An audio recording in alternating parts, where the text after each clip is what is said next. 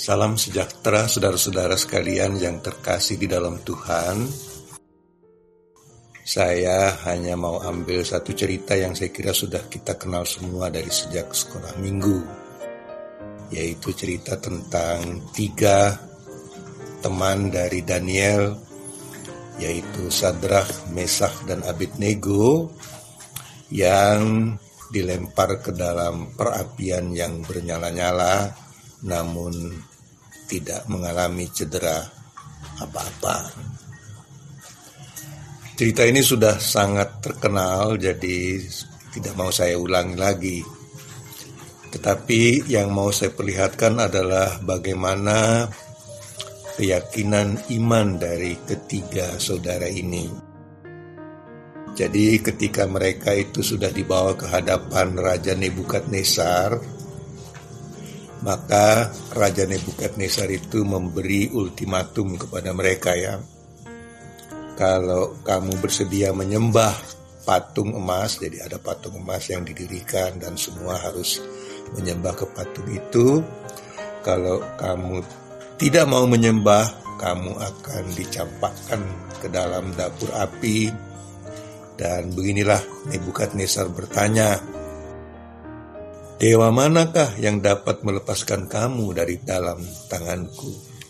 Jadi Nebukadnezar itu raja yang bahkan merasa dirinya lebih tinggi daripada dewa, daripada yang ilahi.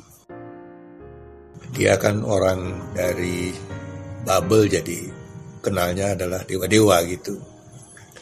Tetapi Sadrach, Mesah, dan Abednego menjawab demikian. Dan itu terdapat di Daniel 3 ayat 16 dan 17. Tidak ada gunanya kami memberi jawab kepada Tuanku dalam hal ini.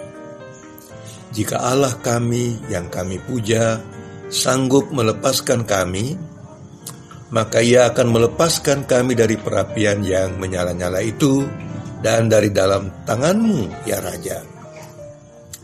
Tetapi seandainya tidak, hendaklah Tuanku mengetahui, ya Raja, bahwa kami tidak akan memuja Dewa Tuanku dan tidak akan menyembah patung emas yang Tuanku dirikan itu. Jawaban ini tidak berkata bahwa Tuhan pasti akan menolong kami. Jawaban ini tidak seperti yang biasanya kita dengar pada ucapan-ucapan alim. Jangan khawatir, Tuhan akan menolong. Orang beriman tidak akan mengalami problema atau masalah-masalah ataupun bencana Bahkan ada beberapa sekarang yang Anda tahu sendirilah sudah merasa yakin bahwa eh, tidak akan mengalami kematian, bahkan kalau mati akan bangkit lagi begitu. Eh, ya ini memang gejala-gejala ekstrim ya, tapi yang biasanya itu kan bahwa Tuhan pasti menolong. Nah ini eh, jawabannya tidak seperti itu. Jadi mereka berkata ya kami tidak sebenarnya tidak ada gunanya menjawab tapi begini aja kalau Tuhan yang kami puja itu sanggup pasti dia akan melepaskan kami. Tapi kalau tidak ya kami akan tetap setia kepada Tuhan. Kami eh, tidak akan memuja dewa Tuanku, tidak akan menyembah pada Tuanku. Jadi eh, mungkin bahasanya bagi kita yang tidak biasa mendengarnya tidak terasa enak, tapi saya yakin maksudnya adalah untuk mengatakan bahwa kalau ditolong memang Tuhan adalah penolong, tapi kalau tidak, tidak apa-apa. Kami tetap beriman, kami tetap kuat, kami tetap setia. Nah, saudara-saudara, saya kira hikmahnya besar bagi kita semua kita sudah berada dalam suatu zaman yang sulit diduga. Ya, jadi wabah Covid ini dari dulu sudah datang sampai sekarang kita tidak tahu kapan berhentinya. Ada yang bilang bulan Agustus, tetapi ada juga yang bilang bulan Desember. Ya kita jalani aja lah dengan iman. Tetapi saya kira apa yang dikatakan oleh ketiga saudara ini perlu kita hayati dan kita pegang juga dan dengan demikian kita tidak mengatur atau memaksa Tuhan untuk berbuat apa-apa bagi kita. Kita serahkan kepada Tuhan bagaimana harus terjadi dan apa pun yang ditentukannya itu baik bagi kita.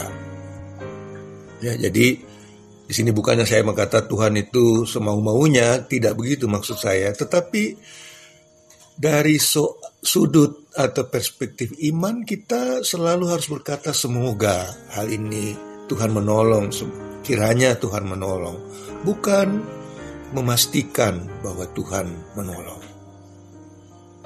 Jadi kita tetap di hadapan bahaya atau ancaman COVID ini mempercayakan semuanya kepada Tuhan dan menyerahkan kepada Tuhan bagaimana beliau mau menyelesaikan masalah masalah kita dan kita sendiri juga tetap pasrah, tetap berusaha menghindari macam-macam, selalu waspada, tetapi akhirnya ya kita serahkan pada Tuhan. Mari kita berdoa.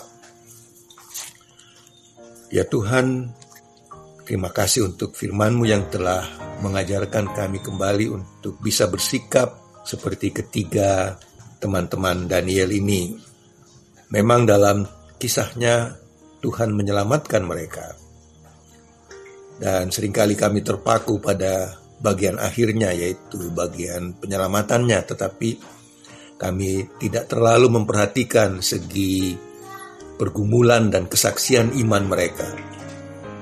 Kalau begitu ya Tuhan, kalau mereka memang demikian, biarlah kami pun dalam kehidupan kami yang terancam oleh wabah COVID ini, kami berdoa seperti mereka, yaitu kalau Tuhan menolong, ya tentu Tuhan pasti menolong. Tapi kalau misalnya kami mengalami bahwa tidak ada pertolongan, itu pun tidak masalah, tidak mengapa kami tetap setia kepada Tuhan, kami tetap tidak mau berpaling dari Tuhan. Kami yakin bahwa Tuhan adalah sumber kehidupan kami. Dalam Yesus Tuhan kami yang telah mati dan bangkit itu, kami berdoa. Amin.